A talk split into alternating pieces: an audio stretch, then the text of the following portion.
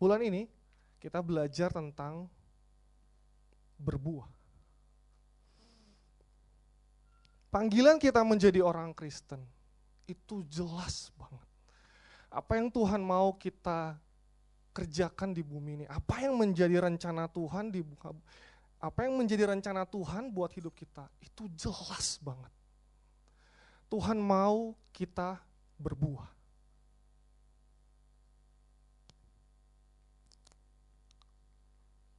Bisa tampilkan slide-nya? Kalau ada yang tanya ini buah apa? Ya, ini buah apel ya. Bukan buah persik bukan, ini buah apel. Tuhan memanggil kita semua untuk kita berbuah. Berbuah bukan sekedar berbuah, tapi Tuhan mau panggil kita untuk berbuah dengan lebat. Berbuah banyak.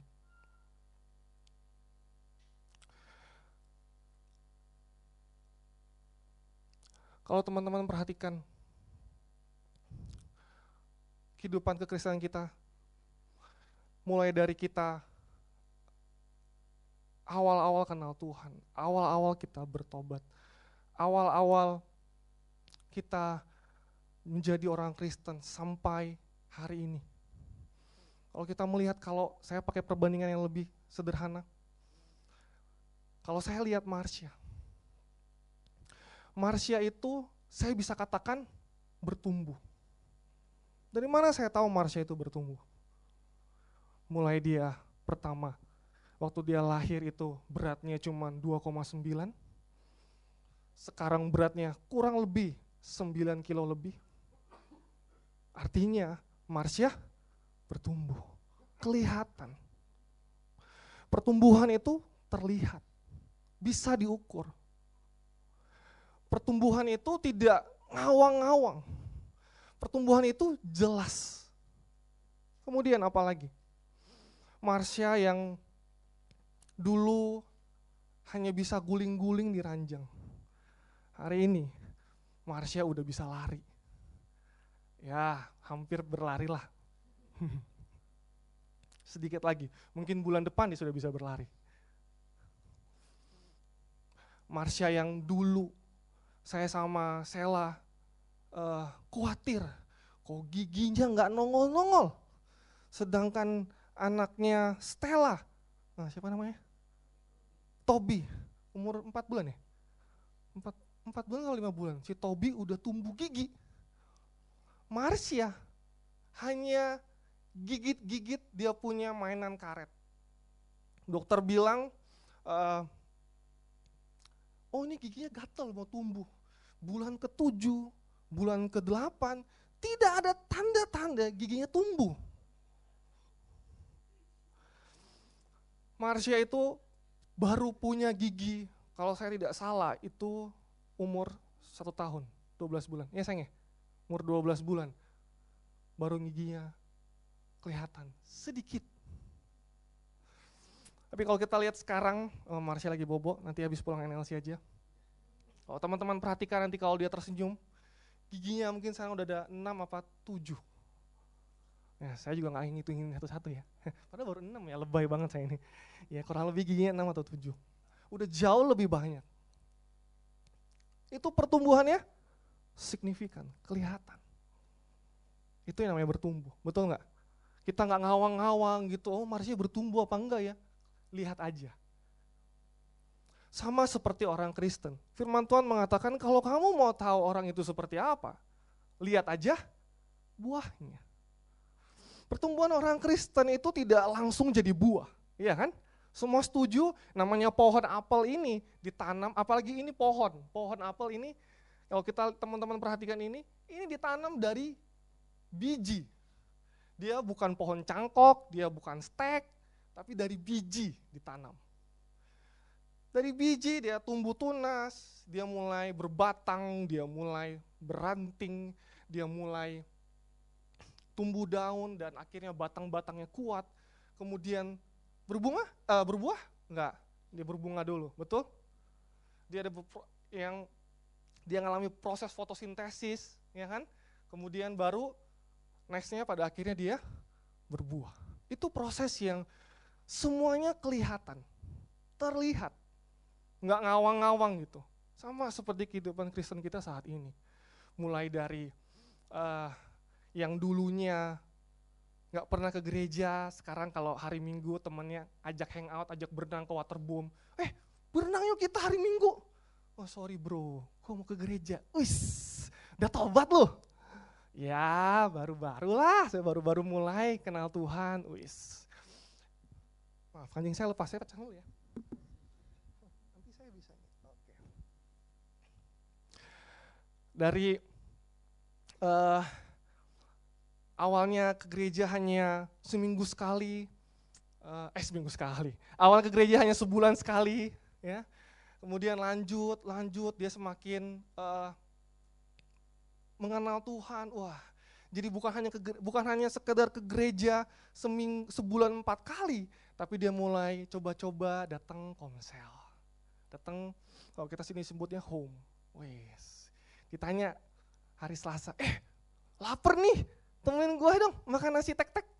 Wih nggak bisa bro, gue mau home. Yeah. Temannya bilang, wih ada angin apa lu ini?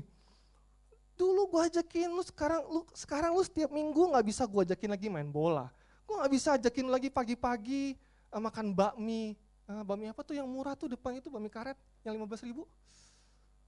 Ah, bakmi ono. Gue nggak bisa ajakin lagi makan bakmi ono pagi-pagi gitu. Lu tahu alasannya hari Minggu ke gereja. Sekarang hari Selasa, gue ajakin lu makan nasi goreng, ajakin lu main biliar, ajakin lu main game. Lu bilang sekarang lu home. Iya dong, kan kita harus berubah hidup ini. Harus bertobat. Harus ada perubahan dong. Masa gitu-gitu aja jadi orang Kristen. Wis, kelihatan kan? Mulai kelihatan. Terus uh, perubahan berikutnya yang mungkin bisa dilihat. Kalau uh, lagi makan sama temennya, wih berdoa lu sekarang makan. Lu Tuhan. Oh iya inget dong, masa berdoa nggak makan ya. Berdoa ya makan dong, masa kita berdoa nggak makan gitu ya. Wih, banyak perubahan lo ini ya. Habis sebelum makan berdoa, jangan-jangan lu sesudah makan lu berdoa juga. Iya belum sampai segitunya sih gua sih ya. Ya, tapi oh iya, wow banyak perubahan lo ya. Yes, itu yang kita sebut dia mulai bertunas, dia mulai berbatang, dia mulai uh, pohon itu tumbuh mulai ada daun-daunnya. Ya. Masih proses, dia masih terus proses. Dan pada akhirnya tujuan kehidupan kekristenan kita, seperti di awal saya bilang, kita harus berbuah. Saya percaya, saya percaya, teman-teman di sini sebagian besar sudah tahu bahwa Tuhan mau, Tuhan rindu kita berbuah pertanyaannya adalah yang dipikirkan, jawab sendiri dalam hati, apakah kita mau berbuah?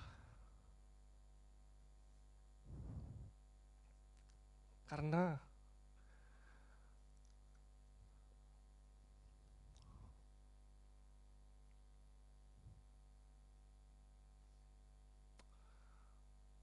banyak orang Kristen itu hanya sampai titik berdaun lebat. Banyak orang Kristen yang sudah puas ketika dia berbatang, berdaun lebat, tertanam. Banyak orang Kristen, saya sebut ini orang Kristen bonsai. Kalau teman-teman perhatikan, pohon bonsai itu bukan pohon yang murah Pohon bonsai itu pohon yang mahal.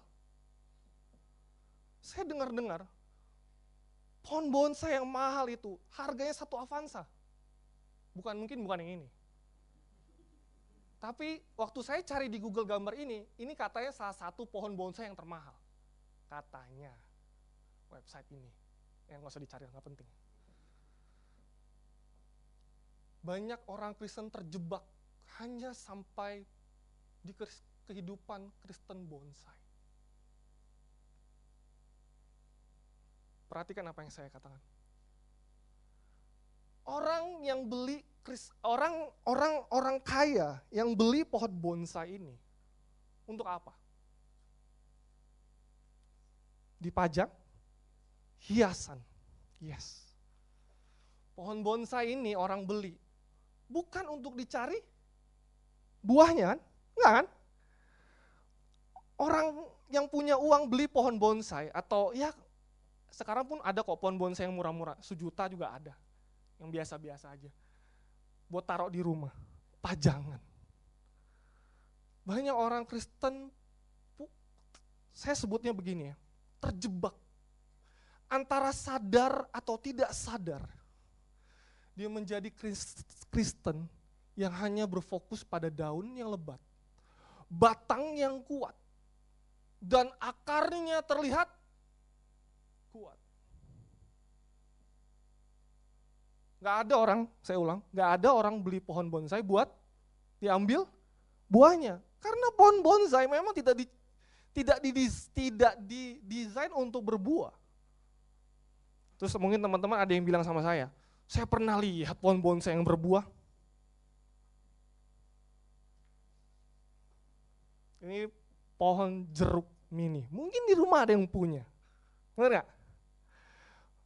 Pohon jeruk mini ini kata-katanya ya, koreksi saya kalau saya salah nanti kalau pas pulang koreksi saya. Katanya orang yang punya yang taruh pohon jeruk mini ini punya kepercayaan bahwa mendatangkan rezeki yang banyak. Katanya orang-orang, ya orang-orang tua ya, tahu ya. Biasanya pohon ini ada waktu Chinese New Year, bener gak? Bener ya? Saya mau tanya sama teman-teman. Orang beli pohon jeruk mini ini, buahnya untuk dimakan. Bisa dimakan, tapi tujuan dia beli pohon jeruk mini ini buat dimakan buahnya. Nah, pohon jeruk ini kalau nggak ada buahnya, Jadinya apa? Jelek. Orang mendingan beli ini dong. Buat dipajang mana? Orang beli pohon jeruk mini ini buahnya. Saya ulang ya, buahnya ini hanya untuk dipajang. Bisa sih dimakan, benar bisa. Nggak ada salahnya dimakan. Tapi kalau buahnya udah nggak ada, ini jadi barang sampah. Kalau kata orang-orang orang tua ini tidak mendatangkan berkat kalau buahnya nggak berbuah. Buat apa taruh depan rumah? Mendingan taruh aja depan halaman dia taruh dalam rumah ini supaya kata orang-orang tua, orang-orang kepercayaan dulu supaya ada berkat. Yang saya mau garis bawah, buahnya ini bukan untuk dimakan. Untuk di apa? Pajang.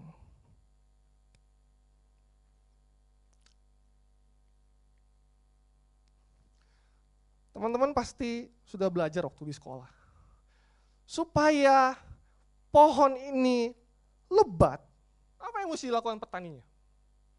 Ya dipupuk, disiram, betul. Apalagi? Dipangkas, betul nggak?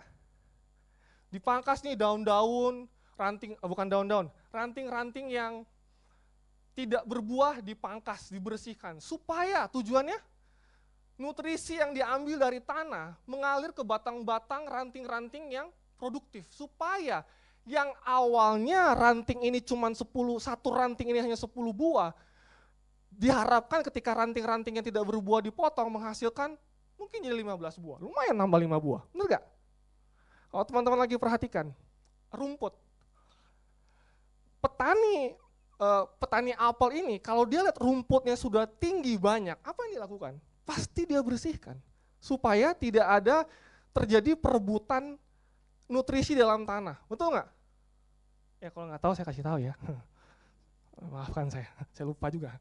Kalau teman-teman uh, main-main ke kebun, kalau ada yang pernah main ke kebun durian, itu biasanya lebih jelas lagi. Pohon durian itu, yang benar-benar kebun durian ya, daerah batang akar bawahnya itu pasti kurang lebih jaraknya diameternya satu meter, itu pasti bersih nggak ada rumputnya. Di kanan kirinya nanti ada rumputnya supaya tidak terjadi perebutan nutrisi di dalam tanah. Tapi tujuan si petani apel itu membersihkan ranting dan membersihkan akar, buat apa? Supaya dia berbuah lebat, iya kan?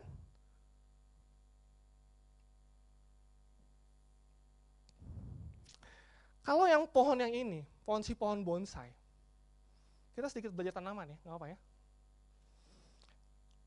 Kalau pohon bonsai ini dipangkas, tujuannya buat apa? Supaya dia nggak tambah besar, betul nggak? Supaya dia rapi.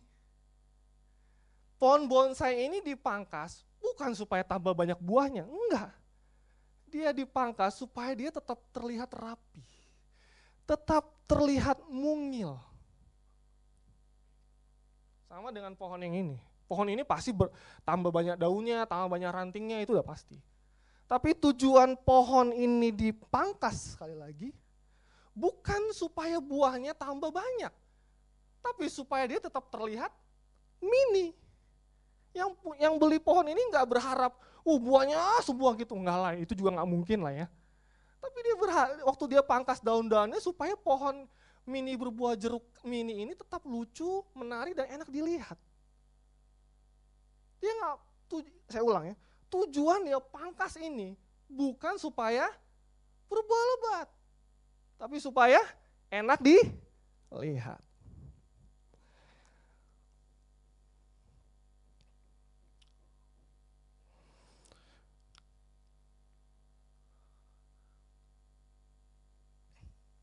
Kalau teman-teman perhatikan, akar dari pohon bonsai ini dalam nggak? Pasti pendek. Iyalah, potnya cuma segini. Kalau sampai potnya jebol gara-gara si akar ini, apa yang dilakukan sama yang punya? Dia beli pot baru.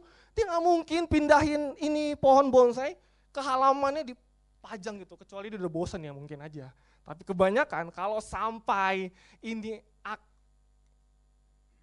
ini akarnya jebol ke bawah, dia pasti ganti pot baru. Dia tidak biarkan ini ya bocornya jelek dong. Masa beli pohon mahal-mahal akarnya keluar-keluar kan udah ratusan juta dikeluarin masa. Mana? Dan dalam dan dalamnya akar ini ya segini aja. Anggaplah ini pohon cukup besar. Paling 20 cm akarnya. Tapi kamu lihat, uh akarnya gede ya. Ya karena memang ini, memang tujuan si pohon bonsai ini supaya akarnya kelihatan. Namanya pohon buah apel dan buah-buah yang lain, itu akar yang di atas itu kelihatan kalau udah umurnya tua. Sebagian besar dia di dalam akarnya. Tapi kalau pohon bonsai ini, akarnya malah di luar.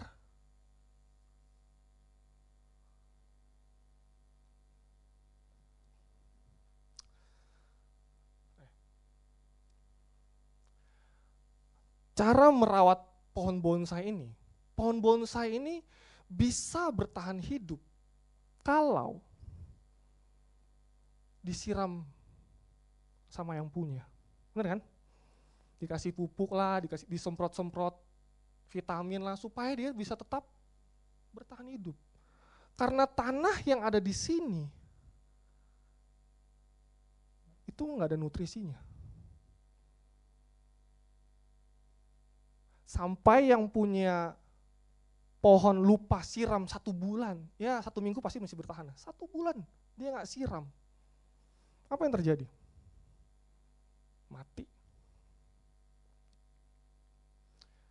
Kalau pohon ini, pohon apel ini, asal tanahnya subur ya, kamu nggak usah siram setahun, satu tahun pun kamu nggak siram, dia tetap berbuah. Why? Karena tanahnya subur. Ada alasan lain? Dia berakar. Pohon ini, kalau dia sampai di kedalaman tertentu dia tidak ketemu air dan nutrisi, apa yang dia lakukan? Akarnya terus ke dalam. Dia akan terus cari nutrisi itu sampai ketemu, sampai ketemu air. Dia tidak bergantung apa yang dari luar. Dia mengakar ke dalam.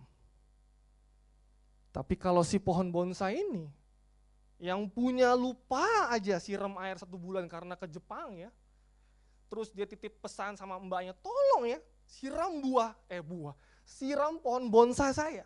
Karena si pembantu asik main pacaran, dia lupa siram pohon bonsai bosnya. Dan waktu bosnya pulang, matilah pohon bonsai itu. Apa yang saya mau bilang sama teman-teman?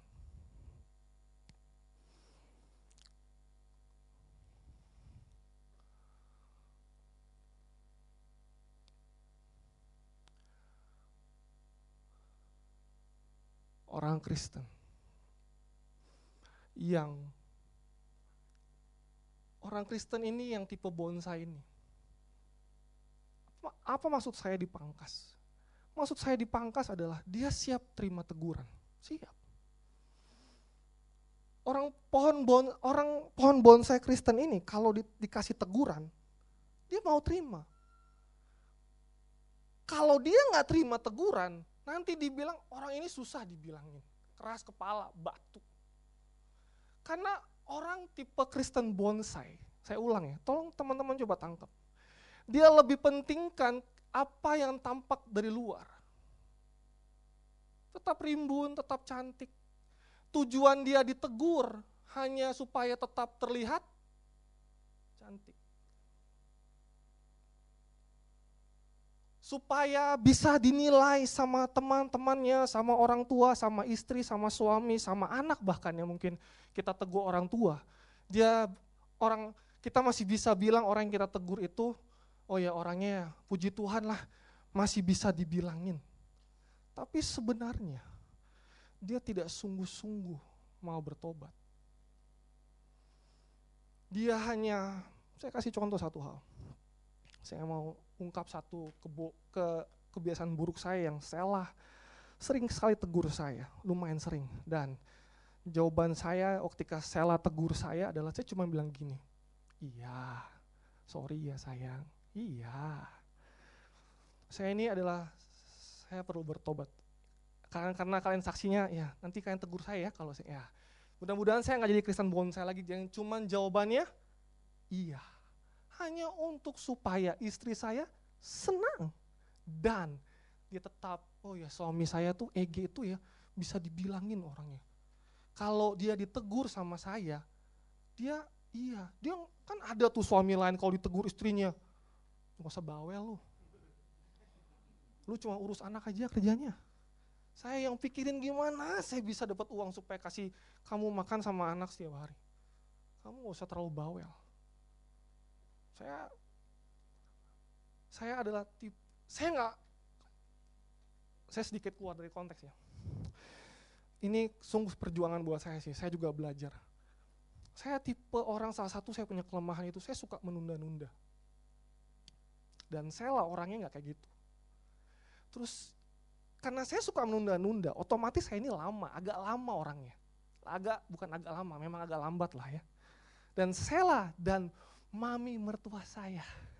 Ya, itu orangnya fast and furious. Kalau saya agak lambat, ya itu mungkin, ah, oke okay, nih, keluar konteks sedikit ya. Saya sejak saya banyak, uh, saya ditegur Tuhan gitu, saya merenung. Uh, saya ketemu uh, minggu lalu, saya keluar konteks sedikit ya. Minggu lalu saya ketemu seorang home, uh, seorang ketua komsel dari gereja lain. Dia bilang begini sama saya, Edwin, uh, di gereja kami, pendeta kami bilang bahwa setiap jemaat, setiap anak komsel itu adalah calon leader. Wah, dengan sok pintarnya saya, saya bilang gini sama dia. Sebentar ya kita ke konteks luar. Loh, kok yang menurut saya, pengalaman saya nih ya, jadi supervisor home selama beberapa tahun dan saya dari 2006 jadi ketua komsel, saya melihat anak-anak komsel saya. Menurut saya, yang bisa jadi ketua komsel itu hanya orang yang tipe kolerik dan gembala. Di luar itu, aduh, sudahlah. Tapi dia bilang sama saya gini, enggak Ewin, karena Tuhan memanggil setiap kita minimal untuk bisa memimpin diri kita sendiri. Tidak ada urusan dia kolerik, dia stabil, saya stabil orangnya. Dia stabil, tidak ada urusan dia melankolis lah, dominannya kecil, tidak ada urusan. Selama dia mau belajar, dia pasti bisa pemimpin. Di situ saya saya Tuhan kayak buka pikiran saya. Sama seperti ketika uh, saya punya cita-cita ya, saya punya cita-cita itu adalah ini agak malu-maluin, tolong jangan ditiru, please. Ini sesat, ini zaman dulu punya soalnya. Cita-cita saya adalah kalau ditanya sama orang, apa pekerjaanmu Edwin? Pekerjaan saya sehari-hari sehari-hari adalah bermain bersama istri dan anak. Why? Karena saya punya bisnis yang autopilot. Uh, keren banget gak tuh? Keren gak? Karena saya belajar dari sepupu saya. Saya lihat dia, hari-harinya waktu saya kerja sama dia. Gila, ini orang gak pernah lihat tokonya, tapi uang yang ngalir terus. Saya setiap pagi malam bercucuran pikiran, mikir ngurus toko, dia setiap bulan terima uang begitu banyak. Wah gila, kalau ditanya apa kerjanya kok main sama cucu sama istri, asik. Eh cucu lagi, main sama istri sama anak, udi keren banget. Saya punya, bukan saya punya, orang bisnismen sekarang kalau ikut seminar-seminar bisnis, pensiun dini, pensiun dini. Punya bisnis, nggak ada yang salah punya bisnis autopilot ya, nggak ada yang salah. Iyalah, kalau nggak Indomaret, masa bosnya tongkrongin setiap hari. Dia tua, tungguin Indomaret, betul nggak? Sampai mati, hidup lagi, mati, hidup lagi, nggak bakal keburu, kelihat semua itu Indomaret di seluruh Indonesia, betul nggak? Jadi nggak ada yang salah dengan bisnis autopilot yang salah adalah sah saya. Cita-citanya, ditanya orang adalah main sama istri sama anak. Kebanggaan banget, gila. Aduh, saya ditegur Tuhan betul. Waktu saya ngerenungin kisah berbuah ini. Tuhan panggil saya untuk berbuah.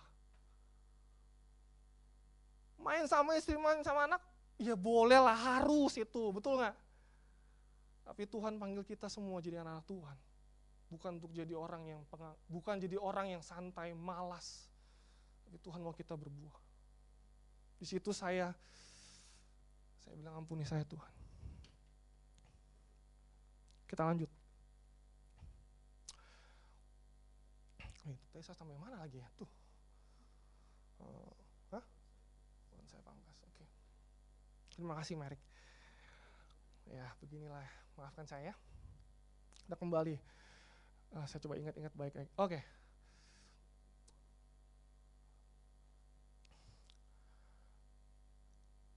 Oh, tadi saya tegur, saya cerita tentang saya suka menunda-nunda. Ya. Orang Kristen, saya mau bilang, makanya saya bilang sama teman-teman semua ya. Jangan sampai kita terjebak. Kita kesannya mau ditegur, mau dinasehati, tapi supaya hanya untuk dikira rendah hati. Padahal, ya jawab sendiri. Namanya orang ditegur, namanya kalau kita bilang iya harusnya apa? Kita bertobat, betul nggak? Saya puji Tuhan, saya punya istri yang cukup sabar sama saya. Gitu, jadi maafkan saya sayangnya. Ya, di sini udah saksinya banyak nih. Kalau saya nunda-nunda pekerjaan ya, silakan bilang saya, lu Kristen bonsai gak? Iya, nggak apa-apa, benar. Jangan sampai kita terjebak hanya sampai di sini. Ngeri. Kita bangga punya buah yang eh punya buah, punya daun yang lebat. Kita bangga, kita berak, uh kita dilihat orang, uh gila. Itu kalau baca Alkitab, hmm, sehari lima pasal. Ini akarnya kelihatan nih loh. Kamu tanya apa dia tentang firman Tuhan, uh kalau di, oh usah saja. Kalau di lagi ada sesi tanya jawab, ngobrol di home, kamu tanya apa dia tentang firman Tuhan, uh dia bisa jawab. Dia dia berak, dia akarnya kelihatan gede gini, gua lihat batangnya kekar gini. Uh. Ini pertanyaan saya. Ketika dia tahu banyak, apakah dia mengalami? Karena orang yang tahu banyak, belum tentu mengalami. Satu kali saya ikut kelas komunikasi bisnis di kampus. Namanya komunikasi bisnis. Itu dosen harusnya pintar berkomunikasi. Udah kelasnya paling sore, isi mahasiswanya cuma 10 apa 15 itu karena kelas paling terakhir. Saya mau nggak mau saya ambil itu, kalau nggak saya harus ambil di semester depan, aduh, buang-buang waktu. Saya datang, duduk, saya dengar dosennya masuk, dan dia mulai ngajar. Saya bilang, Tuhan, berikan saya kekuatan. Itu dosen. Ya, saya tidak bermaksud menjelekkan orang ya, tapi saya mau kasih tahu teman-teman ini buat contoh. Dia ngajar komunikasi bisnis. Itu benar-benar textbook habis. Saya bilang ini nggak salah nih. Dekan Untar milih dosen kayak gini nih. Ya kalau dia dosen akuntansi ya wajar lah, betul nggak? Ini nama pelajarannya udah komunikasi bisnis. Dia ngajarin semua teori komunikasi bagus gak? Bagus. Yang ngajar komunikasi bisnis di, di, di Untar, pasti lah S2 lah, betul nggak? Pasti standar dosen tuh S2 lah, nggak tahu sekarang apa udah S3 jangan-jangan. Aduh, saya sampai kok bisa dia dia melamar jadi dosen komunikasi bisnis. Tapi ini pelajaran buat kita semua. Dari situ saya belajar. Wah, orang yang tahu banyak, orang yang orang Kristen ini kadang-kadang dia merasa dia berbuah. Kenapa? Ya itu tadi, pengetahuannya banyak tentang firman Tuhan. Salah nggak punya pengetahuan yang banyak tentang firman Tuhan? Nggak salah, bagus banget. Tuhan Yesus itu marah sama orang Farisi. Kenapa? Karena dia hanya tahu banyak, tapi dia nggak mengalami.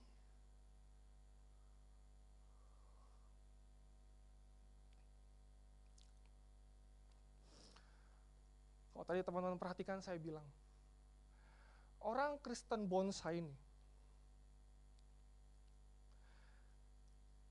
dia hanya bisa makan kalau disiram. Betul nggak? Kalau dia nggak disiram, pasti dia nggak bisa makan. Orang Kristen bonsai ini cari makannya gimana? Apalagi zaman now ya. Uh, coba gimana yo? YouTube.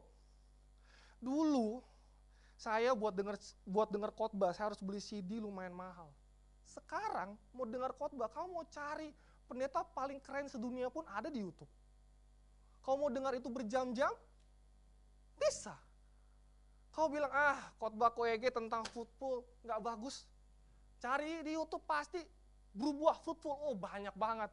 Kau bisa dengar semua mungkin dari pagi sampai ketemu pagi lagi. Betul nggak? Ya.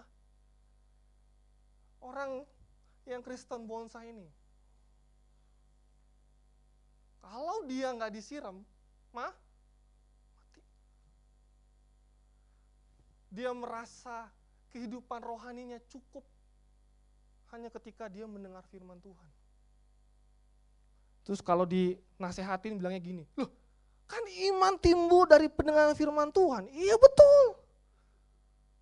Nggak ada yang salah dengar khotbah. Saya juga sampai malam, eh enggak, malam kemarin. Lusa kemarin, saya juga masih dengerin khotbah lewat Youtube kok. Salah? Enggak, enggak salah. Yang jadi permasalahan adalah, dia cuman sibuk, dia hanya sibuk mendengar cari dari luar. tapi dia nggak berakar. Orang Kristen bonsai, perhatiin aja. Kalau udah lama nggak ke gereja, udah lama nggak dengar YouTube, udah lama nggak lakukan hal-hal yang bersifat rohani, oh, coba dicek kehidupan. Kenapa saya bisa ngomong gini ya? Saya ngalamin sendiri. Seperti saya pernah cerita sama teman-teman waktu saya pindah ke Timor Leste, di kepala saya itu cuman kerja. Saya udah nggak ada, lagi aktivitas aktivitas apa sendiri sama Tuhan, oh, udah nggak ada. Saya merasa saya cukup dengar khotbah aja. Saya cukup baca firman Tuhan, baca, baca, baca firman Tuhan salah juga kok. Enggak salah, enggak ada yang salah. Saya masih datang rajin ke gereja, masih. Terus kenapa Kristen bonsai ini nggak berbuah? Kenapa Kristen bonsai ini mati kalau dia nggak dapat makan dari luar? Jawabannya, dia nggak berakar. Perhatikan nama ini. Orang yang Kristen yang berbuah, tertanam di tanah. Dia pasti cari ke dalam. Petani apel itu pasti sirem dia punya kebun. Pasti pupukin. Tapi si pohon apel ini tidak hanya berhenti waktu disiram dan dipupuk. Tapi dia juga cari sendiri. Ini yang membedakan orang Kristen yang berbuah sama orang Kristen yang pohon bonsai. Orang Kristen pohon bonsai, dia nggak peduli mau berbuah apa enggak. Dia nggak peduli dia bisa dia akar dia segimana. Yang penting penampilannya. Yang penting saya sadar bahwa oh saya udah melakukan semua kegiatan rohani saya. Saya udah uh, datang ke gereja, saya udah pelayanan, saya udah bertumbuh kok. Kok kok nggak lihat saya batang saya kuat gini? Wah, uh, saya lebat banget. Uh, saya bertumbuh kok. Iya, kamu bertumbuh. Iya, saya juga bertumbuh. Tapi yang Tuhan cari bukan pertumbuhannya aja. Dia cari buah.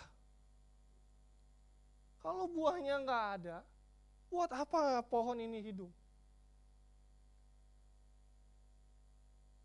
Orang yang tanam pohon apel, waktu dia bisa bertumbuh daun dan batangnya, si petani apel seneng nggak? Seneng. Tapi dia tunggu tidak ada buahnya, apa yang terjadi? Dia pasti buang pohon ini. Dia nggak bilang gini, si petani apel ini nggak bilang gini. Wih, batang apel ini bagus ya, meliuk sana, meliuk sini wih daunnya banyak ya ini pohon apel. Enggak. Petani apel ini waktu dia lihat ini enggak ada buahnya, dia buang pohon ini. Beda sama yang ini kan. Ini memang dia nggak mau berbuah, hanya untuk dipajang. Kalau ini tujuannya berbuah.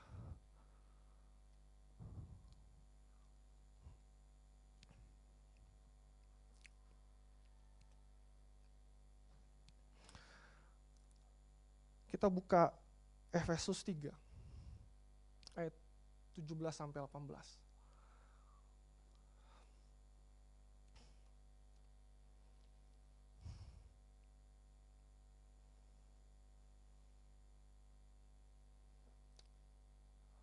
Saya bacakan. Sehingga oleh imanmu Kristus diam di dalam hatimu dan kamu berakar serta berdasar di dalam. Berikutnya. Aku berdoa supaya kamu bersama-sama dengan segala orang kudus dapat memahami betapa lebarnya dan panjangnya dan tingginya dalamnya kasih Kristus.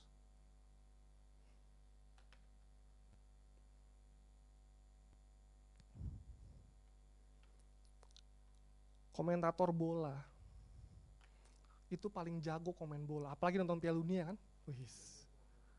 Komentator bola itu paling jago komen soal bola. Lebih jago komen dia daripada pemain bolanya. Tapi disuruh main bola, ay, coba aja. Berantakan. Ada satu, saya nggak usah sebut, pasti teman-teman tahu. Ada satu bekas pemain bola, dia jadi komentator bola. Habis itu dia melatih bola. Apa jadinya? Timnya hancur berantakan timnya Valencia.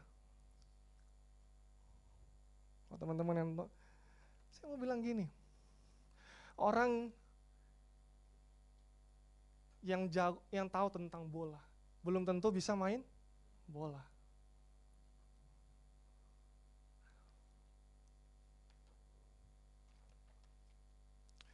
Pertanyaan berikutnya adalah, gimana caranya kita supaya bisa berakar?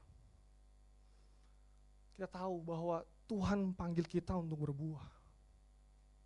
Ketika kita jadi orang Kristen yang tidak berbuah, Tuhan bilang dalam firman Tuhan, ketika pohon itu tidak berbuah, ranting itu tidak berbuah, maka dia akan dibuang. Teman-teman kalau mau coba tes ya, belajar ya. Yang paling gampang tanam pohon cabai setahu saya sih. Saya pernah tanam pohon cabai sekali, nggak sengaja itu pun dibuang uh, ke halaman gitu, dan tahunnya tumbuh.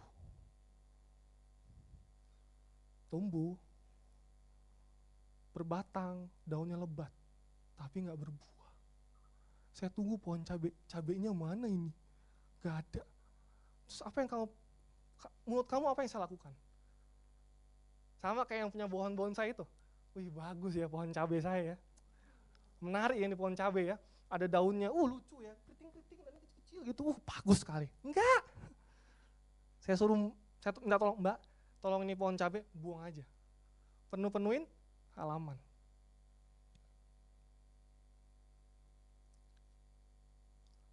How kita bisa berakar?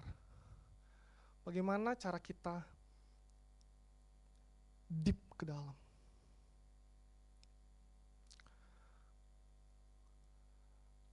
Saya lakukan ini dan ini yang saya bakal share sama teman-teman selama saya jadi Kristen. Apa ini ini sungguh salah satu cara ini yang saya cuma share satu cara aja karena ini yang benar-benar saya alamin dan saya lihat kehidupan saya. Ayatnya pasti teman-teman udah sering baca. Mazmur 1 ayat 2.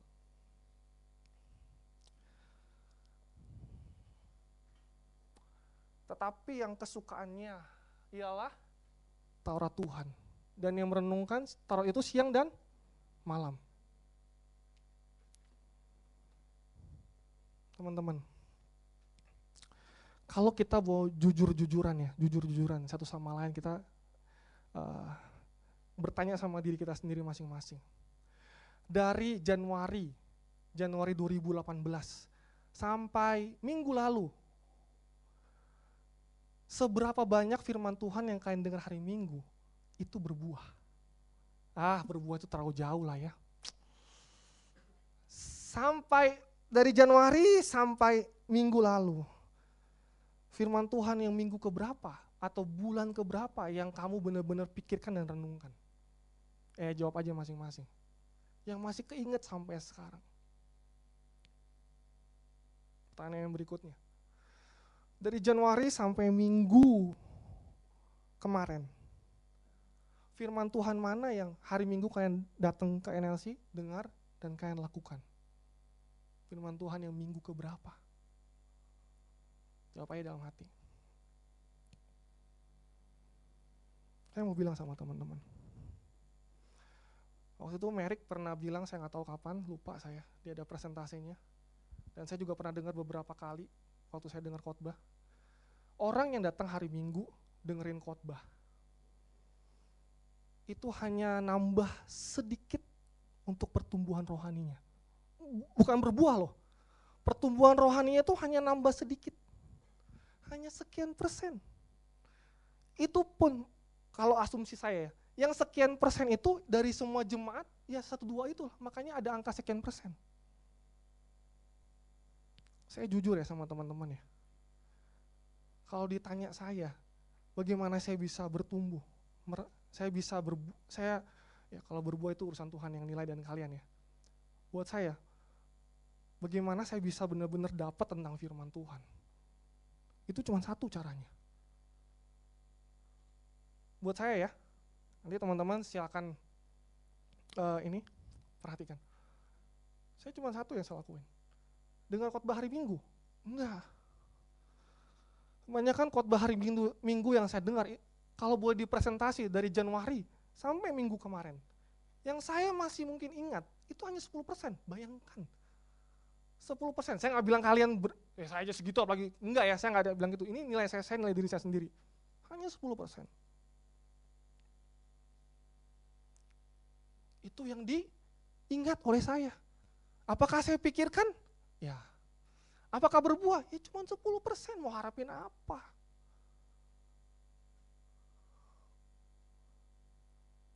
Mau bilang sama teman-teman. Orang Kristen yang bisa berbuah. orang bedanya pohon bonsai tadi. Uh, bisa balik ke pohon bonsai.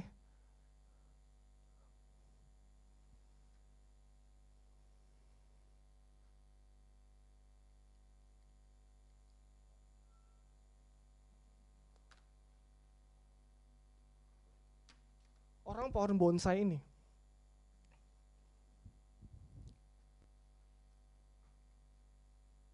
dia nggak mau ngakar. Saya ulang ya, biar teman-teman nancep nih. Saya berdoa teman-teman bisa mengerti pesan saya ini.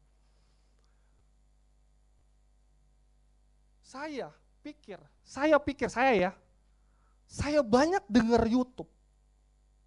Firman Tuhan, oh siapa ya yang terkenal ya? Oh, saya sebut satu aja deh supaya kalian, ya kalian tambah-tambah referensi dengan khotbah pendeta lah di rumah nanti. Pak Erastus Sabdono.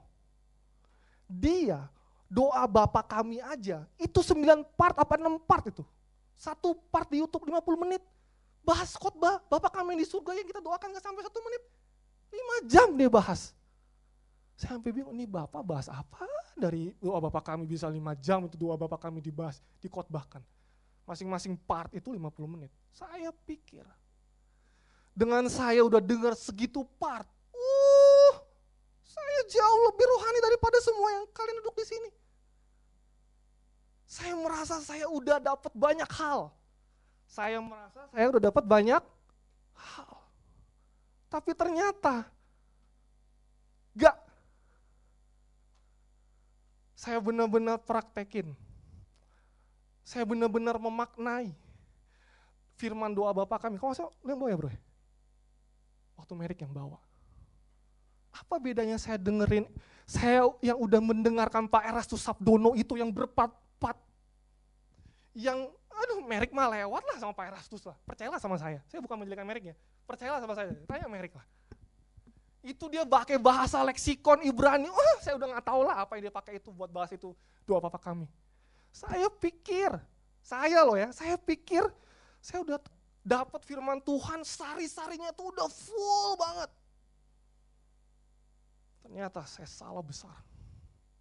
Selama saya di Timor Leste, saya cari makan rohani saya hanya denger YouTube dan baca Alkitab. Tanpa saya punya waktu buat merenung deep ke dalam. Saya hanya saya merasa puas.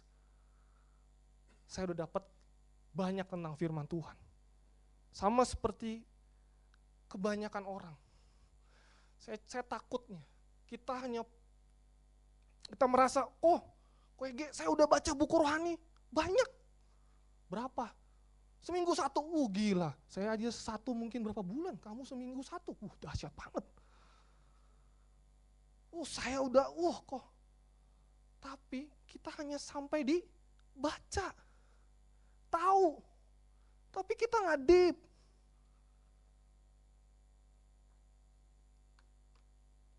Coba teman-teman bayangkan ya.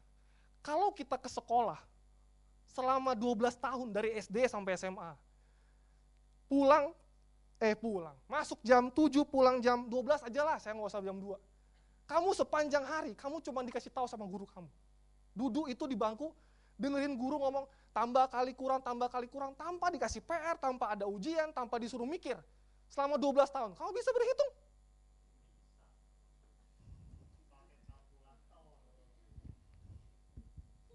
Itu namanya berbuah ya. Yang mengerti puji Tuhan.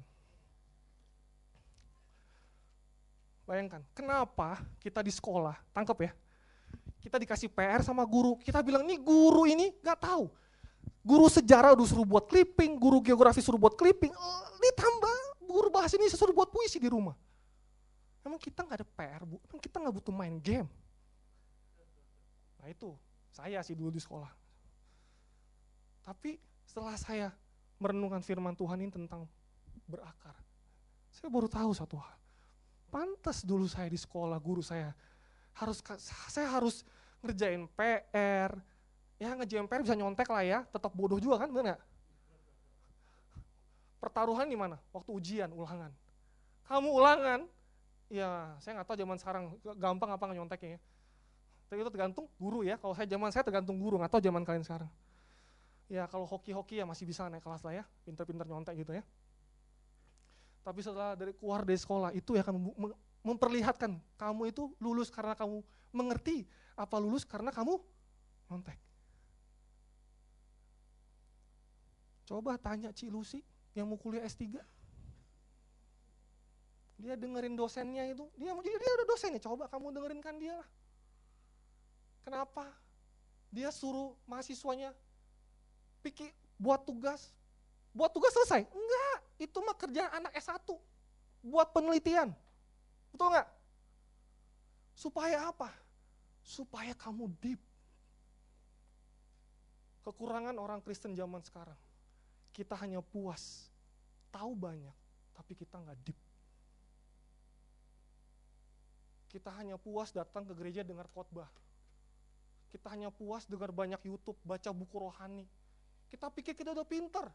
Kita pikir kita udah berbuah. Saya tahu banyak kok, itu buah saya. Tuhan bilang, malaikat bilang, nggak Tuhan sih. Malaikat bilang, pret, mana buah lu? Giliran Utang, lama bayarnya. Giliran baru dibully dikit, marah. Giliran ditegur istri, nak marah dua kali lebih kenceng. Mana buahnya?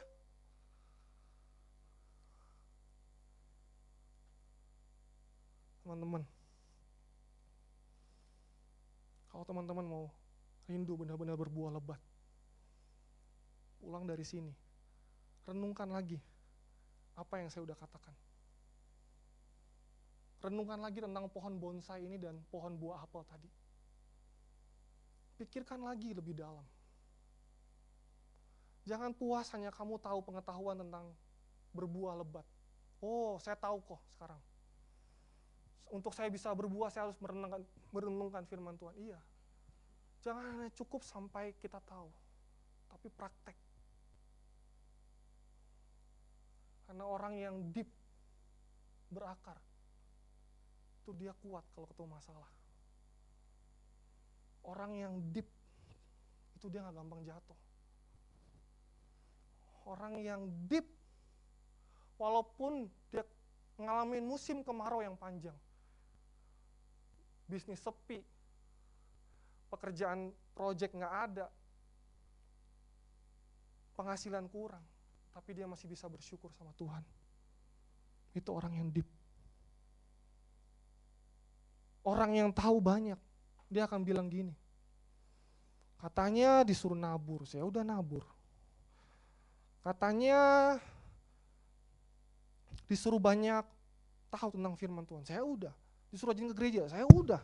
Mana janji Tuhan? Hanya bisa klaim mana janji Tuhan? Mana janji Tuhan buat saya? Bertumbuh, berbu, berbuah berkali-kali lipat, itu mana?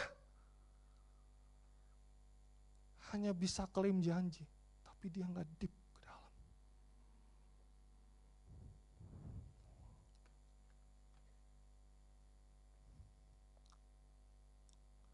Dari SD sampai SMA. Ada yang masih ingat berapa lama kita upacara?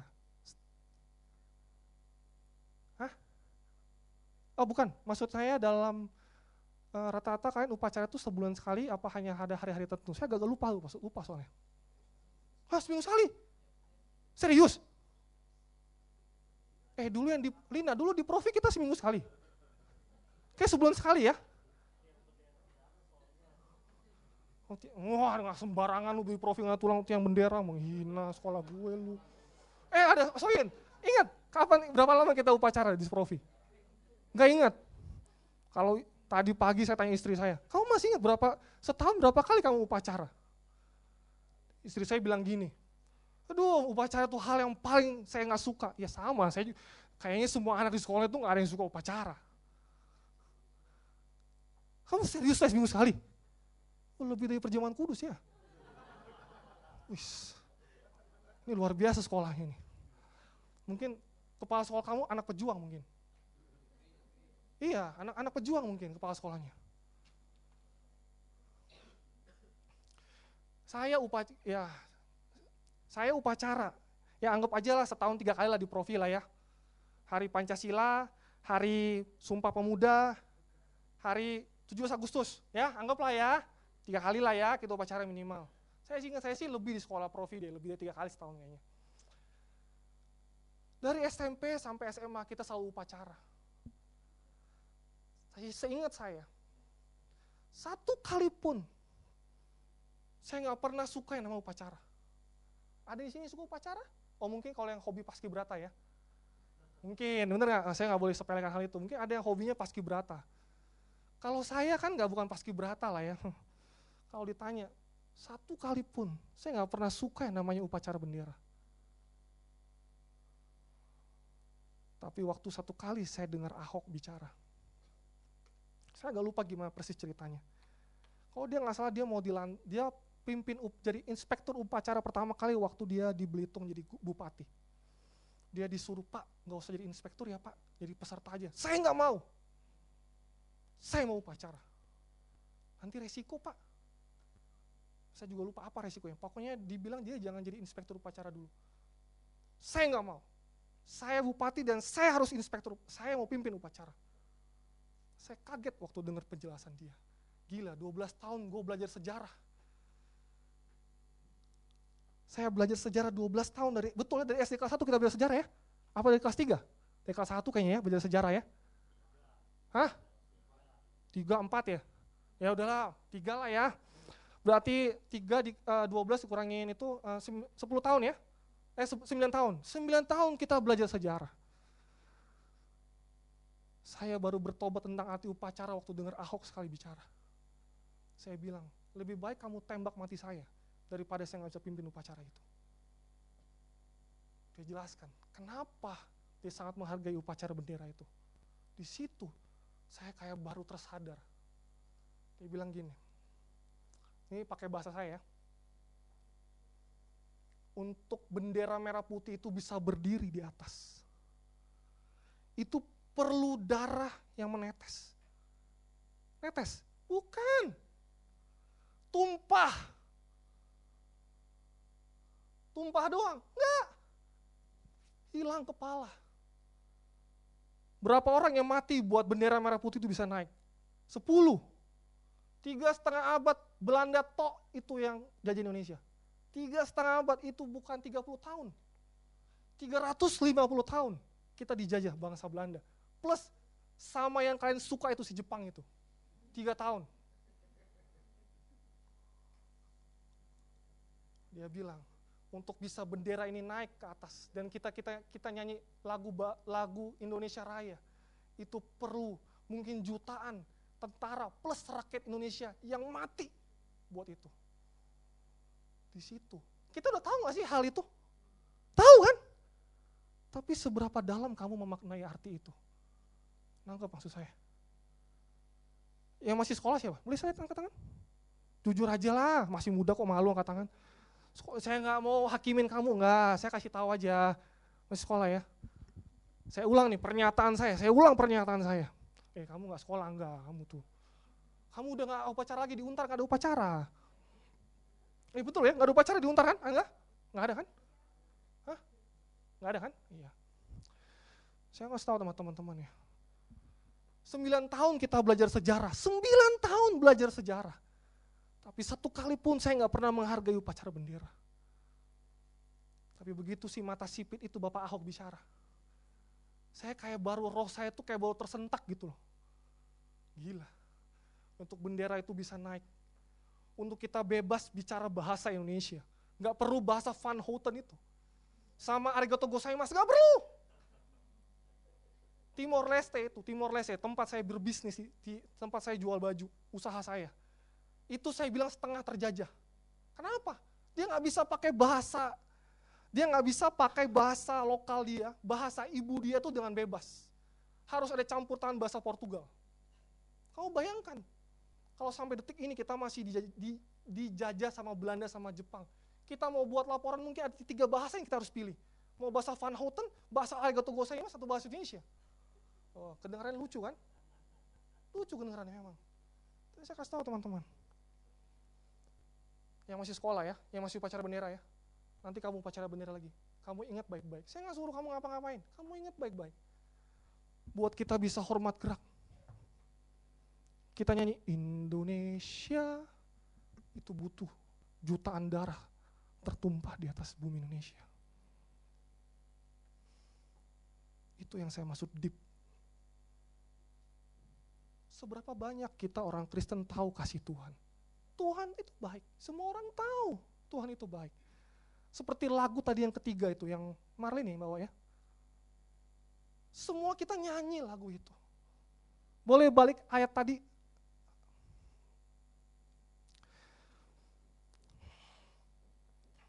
Uh, yang Efesus, kalau satu lagi, 18. Semua orang, semua kita orang Kristen di seluruh muka bumi ini tahulah kalau Tuhan itu baik. Semua orang Kristen di seluruh dunia ini tahu kalau Yesus itu harus mati di kayu salib. Tapi nggak semua orang Kristen mau memahami betapa lebarnya dan panjangnya dan tingginya dan dalamnya kasih Kristus. Saya mau bilang sama teman-teman, mulai dari hari ini. Kalau teman-teman merasa mendengar dari YouTube khotbah baca buku udah banyak itu cukup. Bertobatlah. Mulai belajar memahami. Memahami. Bukan mengetahui ya. Memahami. Betapa lebarnya dan panjangnya dan tingginya dalamnya kasih Kristus. Itu yang saya maksud dengan dengan kamu berakar.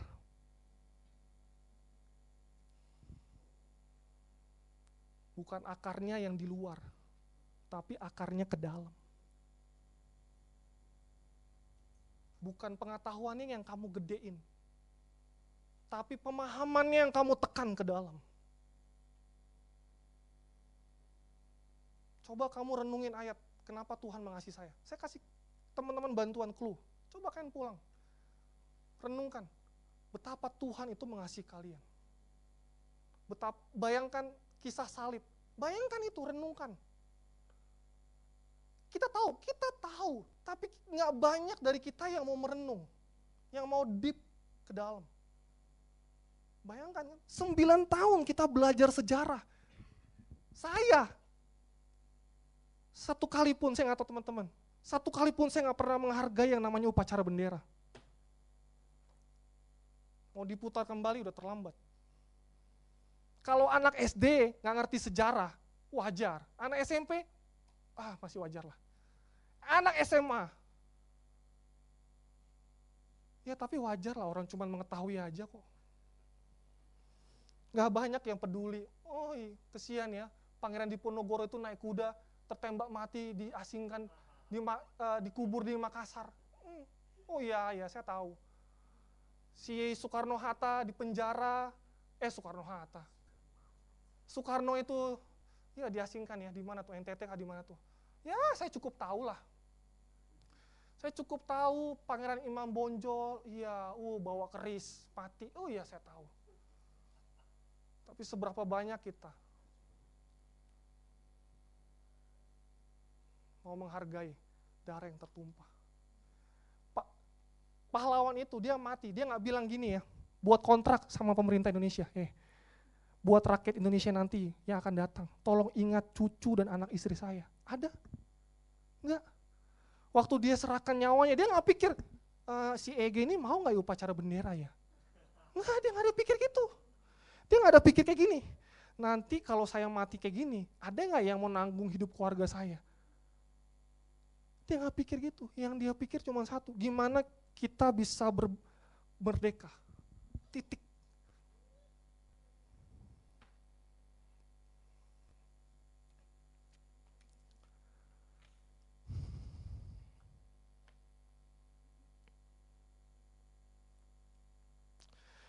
Berbuah itu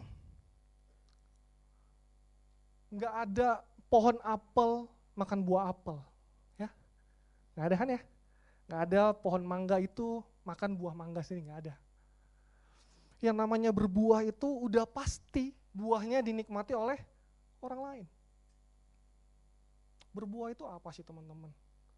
Berbuah itu simpel. Kita mau mengutamakan orang lain dibanding diri kita sendiri. Berbuah itu kita mau jadi ketika kita diberkati, kita mau jadi berkat orang lain. Berbuah itu buahnya bisa membuat orang bahagia. Benar nggak? Simpel kan berbuah itu. Nanti cari. Nah, tugas di rumah gali sendiri buah itu apa.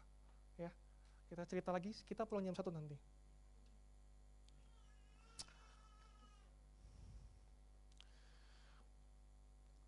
Teman-teman, Kristen bonsai itu kalau ketika saya pakai contoh suami istri aja ya karena saya udah menikah ya. Kristen bonsai itu kalau lagi ribut, Mars ya. Kristen bonsai itu kalau lagi ribut suami istri ya. Yang ada bukannya harusnya kan kalau kita anak Tuhan, uh sabar ya. Kalau saya ingat banget waktu lagi bimbingan pranikah, kalau ada yang berantem harus ada yang mengalah uh itu berbuah. Te, teorinya begitu, betul kan? Nah, kalau lagi ada masalah dengan orang tua, biarkanlah uh, misalnya orang tua Sela, biarkanlah Sela yang maju.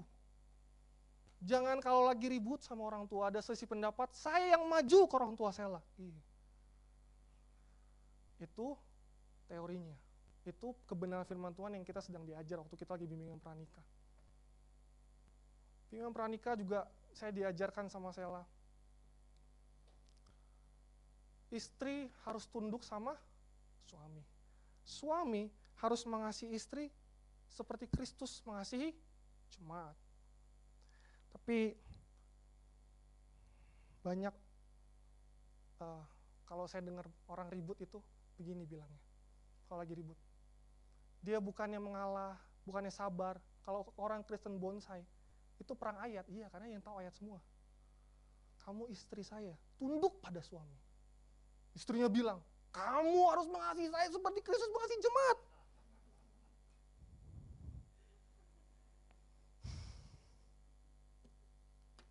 Teman-teman, firman Tuhan itu dipakai bukan buat menghakimi sesama.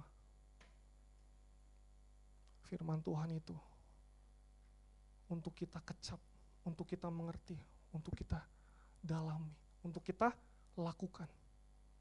Firman Tuhan bukan dipakai untuk menjudge orang. Jangan sampai kita jadi Kristen bonsai. Ya hanya pintar pakai firman Tuhan untuk menjatuhkan orang lain, bahkan istri atau saudara, atau orang tua bahkan. Tapi firman Tuhan kita pakai untuk mengasihi. Firman Tuhan kita pakai untuk melakukannya untuk diimani, dihidupi.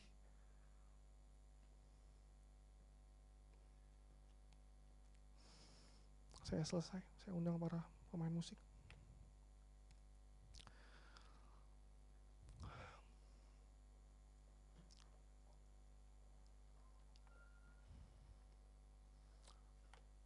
Semua orang, hampir semua orang di muka bumi ini suka nyanyi.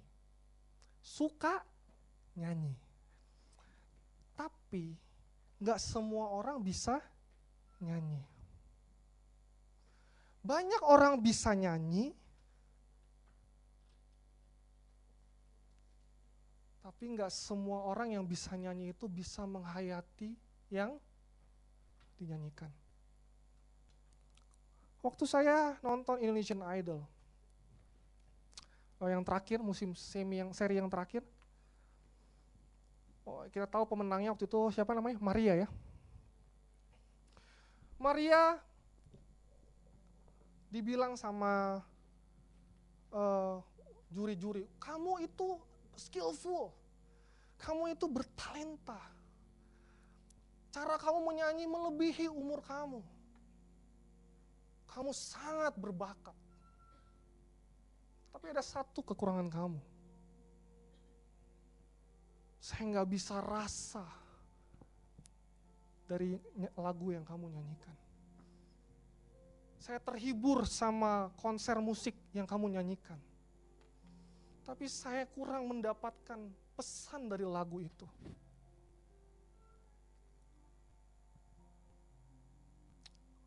Waktu dia nyanyi lagunya, bisa bantu saya lagu apa yang terkenal itu? Lagunya itu film Greatest Showman. Maria bertobat. Teman-teman kalau nonton YouTube-nya, belum sempat lihat apa nonton YouTube-nya, itu empat juri, bukan sekedar standing ovation.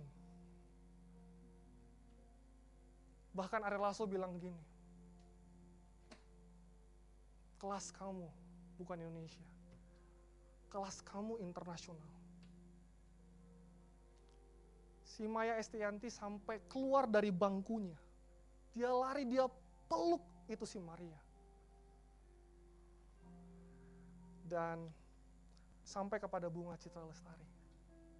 Yang memberikan komen, saya nggak bisa rasa lagu kamu. Tapi kali ini, dia bilang sama Maria, saya bisa nangkep semua pesan dalam lagu itu. Teman-teman, jangan puas hanya berbunga, hanya berdaun lebat. Jangan puas kita berbatang yang kokoh.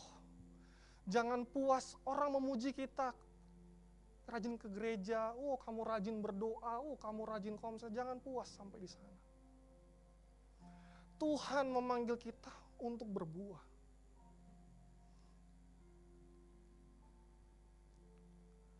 Saya mau saya berani pastikan ketika kita mulai mau berubah, ketika kita berhenti hanya mengetahui, tapi kita mau belajar merenungkan firman Tuhan. Kita mau deep dalam Tuhan. Pasti kamu berbuah. Karena seperti janjinya. Ketika kamu merenungkan firman Tuhan itu siang dan malam. Kamu seperti pohon yang ditanam di tepi aliran air. Yang berbuah pada musimnya yang tidak layu daunnya. Apa saja yang kamu perbuat, dibuatnya berhasil. Jangan jadi orang Kristen. Bonsai. Tapi jadi orang Kristen yang tertanam, mengakar kuat, dan berbuah lebat. Karena itu panggilan kita. Jangan hanya jadi orang Kristen yang suka nyanyi dan bisa nyanyi aja. Bukan itu yang penting. Tapi bagaimana kita bisa, maksud saya dalam pujian penyembahan ya. Tapi bagaimana kita bisa memaknai setiap lirik dari kata ini. Saya mau bilang, Tuhan bisa bicara banyak dalam hidup kita. Ketika kita mau merenungkan setiap lirik yang kita nyanyikan. Jangan biarkan lirik lagu ketiga nanti yang kita akan nyanyikan itu lewat gitu aja. No, Mungkin butuh lebih dari satu kali. Mungkin perlu sepuluh kali buat kita bisa mengerti apa maksud dari kata-kata itu. Seperti yang saya bilang sama teman-teman. Sembilan tahun saya nggak bisa mengerti arti sebuah perjuangan. Sembilan tahun. Saya kita sembilan tahun saya belajar sejarah, saya nggak pernah ngerti apa yang namanya perjuangan para pahlawan. Sampai satu ketika saya di, Tuhan tegur saya. Jangan sampai kita hanya jadi orang Kristen yang nggak ngerti arti sebuah kasih Kristus. Yang kita nggak mengerti betapa dalamnya dia mengasihi kita. Betapa lebarnya dan panjang dan tingginya dia mengasihi kita. Jangan sampai itu hanya jadi sebuah pengetahuan. Jangan sampai kita jadi anak sekolah yang sembilan tahun hanya belajar sejarah tanpa kita pernah memaknai apa itu arti perjuangan. Kristus tebus kita nggak main-main. Dia tebus kita, dia nggak tanya kita kamu mau mengasihi saya? Enggak, dia tebus kalian sebelum kalian bertobat. Dia tebus saya sebelum saya, ketika saya masih berdosa, ketika saya masih jadi orang Kristen bonsai, dia mau mengasihi saya. Tuhan nggak tanya. Nah, karena saya ngajak teman-teman, jangan biarkan firman itu lewat gitu aja. Kita anak-anak NLC, Kita mau bilang gini, suatu saat kalau ada yang survei anak-anak NLC di tahun-tahun mendatang, kebenaran firman Tuhan yang dengar hari Minggu, itu bukan hanya berbuah 10%, itu berdampak sangat penuh. Why? Karena setiap anak-anak NLC yang duduk di bangku ini, mau merenungkan firman Tuhan. Setiap anak-anak NLC yang duduk di bangku ini, mau melakukan firman Tuhan. Mau deep ke dalam, tidak hanya sekedar pintar beretorika, tidak hanya pintar dalam firman, hafal firman Tuhan. Gak hanya sekedar datang ke komsel, tapi kita mau deep ke dalam, deep. Maknai setiap kebenaran firman Tuhan. Firman yang kita baca, itu adalah Allah sendiri. Yohanes 1 ayat yang pertama. Firman itu menjadi manusia. Buku yang kita baca itu bukan filosofi, bukan sekedar puisi, tapi itu adalah Tuhan sendiri. Tidak ada pernah satu ayat pun yang bisa lewat gitu aja ketika kita merenungkannya. Pasti kamu dapat sesuatu. Karena itu janjinya, bukan janji saya. Itu janji Tuhan. Janji Tuhan itu ya dan amin. Kamu dan saya dipanggil untuk berbuah. Bukan jadi pohon bonsai. Saya undang teman-teman bangkit berdiri.